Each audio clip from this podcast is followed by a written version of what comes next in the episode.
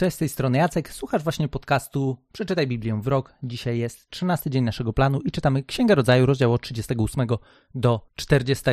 I 38 rozdział po raz kolejny. Znowu. Ja wiem, że już może sobie myślicie, o co chodzi. Pokazuje nam historię, którą e, ciężko nam sobie czasem w głowie ułożyć. Ale chciałbym, żebyśmy jej się właśnie dzisiaj przyjrzeli, głównie właśnie dlatego, że Biblia nie boi się trudnych historii. I do tego miejsca prawdopodobnie sami już e, możecie się drapać po głowie i myśleć sobie, okej, okay, to jeżeli to jest wybrany naród, no to rzeczywiście nieźle Bóg sobie wybrał. Czy nie mógł wybrać jakiegoś e, sensowniejszego narodu albo jakiejś bardziej ogarniętej rodziny? Czy nie było bardziej ogarniętych rodzin?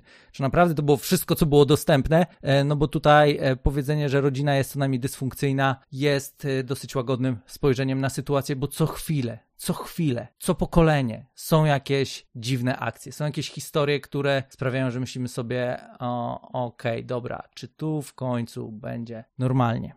I w rozdziale 38 czytamy historię Tamar. Ona jest główną bohaterką tej historii. Zostaje ona wybrana jako żona dla jednego z synów Judy. Juda, jak wiemy, jest ojcem Jakuba, który później został nazwany Izraelem i ta właśnie Tamar ma tego pecha, że jej mąż niekoniecznie jest jakoś szczególnie wybitną postacią, na tyle złą, że umiera. I zwyczajem tamtych czasów jest to, że młodszy brat powinien ją wziąć za żonę i powinien wzbudzić potomstwo dla swego brata, bo okazuje się, że e, pierworodny Judy nie doczekał się potomków przed swoją śmiercią. Więc na scenę wchodzi Onan. Historia może wam być chcący, niechcący znana, bo jest on właśnie tym gościem, z którego e, imienia mamy określenie, zresztą sami wiecie jakie.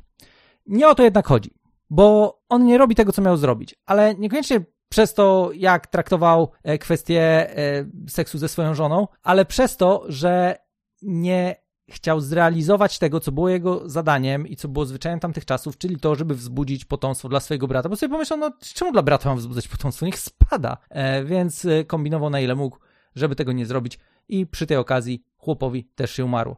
No i Tamar e, dostaje informację od Judy, że słuchaj, jest jeszcze trzeci, jest trochę za młody, no ale jak poczekasz, to, to wtedy on się zajmie tematem i on będzie, będzie twoim mężem i on wzbudzi potomstwo dla swojego brata. No niestety jednak się nie doczekał. I Tamar, trochę zniecierpliwiona, bierze sprawy w końcu w swoje ręce, bo nagle okazuje się, że młody dorasta, no ale nie jest y, ona mu dana za żonę. I dziewczyna sobie myśli, hej, hej, hej, nie taka była umowa. I zamiast pójść do Judy i pogadać, i powiedzieć, słuchaj, mm, teściu, e, nie wiem czy pamiętasz, była taka umowa, to ona wymyśla tak pokręcony plan, że nawet w naszych głowach może on się trochę nie mieścić, e, bo przybiera się za prostytutkę. E, Juda też, będąc wątpliwej jakości moralnej zawodnikiem, nagle stwierdza, że mmm, o, fajna, fajna dziewczyna, nie widząc, że to jest jego teściowa, bo się odpowiednio zasłoniła. No i okazuje się, że Juda korzysta z usług prostytutki, co kończy się tym? Żona zachodzi w ciążę, później Juda się dowiaduje, że jego synowa jest w ciąży. Jest wielce oburzony, no bo kurczę, no jak to, no przecież to nie tak miało być.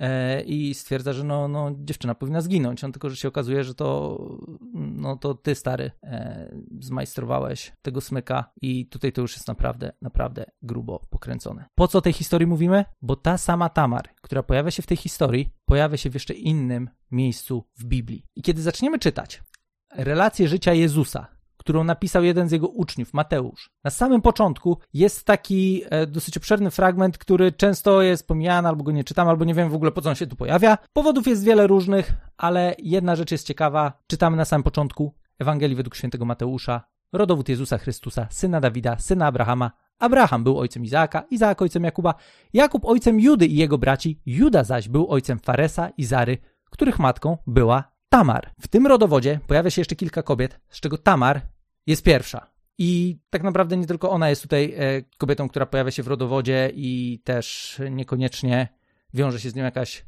ultra historia, tudzież to, co zrobiła, było jakoś szczególnie szlachetne, no w sumie nie było wcale. Ale Mateusz w ogóle nie wybiela tego, skąd wziął się Mesjasz. Mateusz w ogóle nie boi się tego, żeby powiedzieć: Hej, słuchajcie, tak naprawdę Jezus Chrystus pochodzi z tak pokręconej rodziny.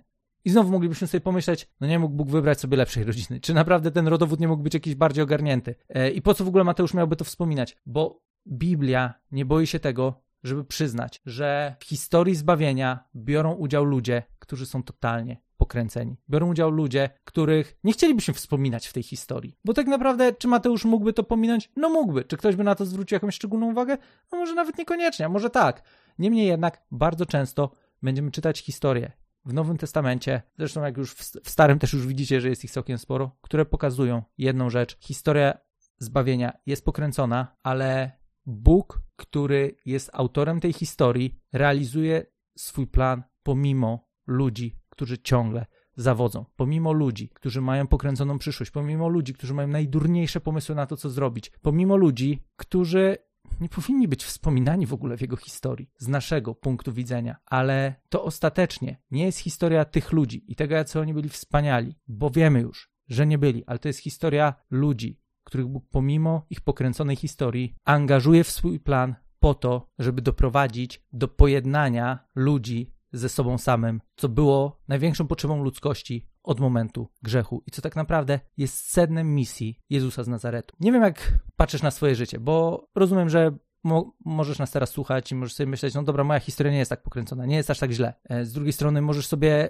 mm, słuchać i myśleć, stary, żebyś znał moją historię. Nie ma absolutnie znaczenia, jaka jest twoja historia. Nie ma absolutnie znaczenia, czy twoja historia jest średnio pozytywna, pozytywna, czy jest tak pokręcona, może jak te historie, o których czytamy tutaj. W każdym momencie historii swojego życia masz możliwość zmiany, masz możliwość tego, żeby złożyć swoją ufność w Bogu, który absolutnie nie ma problemu z tym, żeby współdziałać z ludźmi, których historia jest pokręcona. I wyobraźcie sobie, jakby to było, gdybyśmy zaczęli tak patrzeć na swoje życie. Nie patrzyli na swoje życie przez pryzmat wszystkich błędów, które popełniliśmy, ale przez pryzmat Boga, który jest w stanie przebaczyć i zmienić bieg naszej historii po to, żeby ostatecznie jak najwięcej ludzi mogło go poznać, żeby jak najwięcej ludzi mogło mu zaufać i żeby każdy z nas swoim życiem mógł dać świadectwo tego, że jest Bóg i ten Bóg nie skreśla absolutnie nikogo, bez względu na to, jak wyglądała nasza historia. Mam nadzieję, że słuchając, czytając tę historię, słuchając tego, o czym rozmawiamy, wzbudza, wzbudzi w was to jakąś nadzieję do tego, że nie wszystko jest stracone, że pomimo tego, że czasami nasze życie może wyglądać na totalnie pokręcone, Bóg nie ma problemu, żeby współpracować z ludźmi, z którymi z pozoru nikt nie chciałby współpracować. Jeżeli chcecie więcej porozmawiać, jeżeli macie jakieś dodatkowe pytania, możecie śmiało wejść na grupę na Facebooku Przeczytaj Biblię w rok. Wystarczy, wejdziecie na stronę bibliawrok.pl, dołączcie do grupy, zadawajcie pytania, rozmawiajmy, szukajmy odpowiedzi na pytania, które będą się nam pojawiały w trakcie lektury i odkrywajmy, w jaki sposób Biblia może dzisiaj wpłynąć realnie na nasze życie i jak możemy wyciągać praktyczne lekcje dla swojego życia z tej książki, która została napisana tysiące lat temu, po to, żeby pokazać, jak Bóg współdziała z ludźmi, po to, żeby ostatecznie zrealizować swój plan i jak my możemy stać się częścią tego planu. Mam nadzieję, że zobaczymy się na grupie, a tymczasem do usłyszenia w kolejnym odcinku.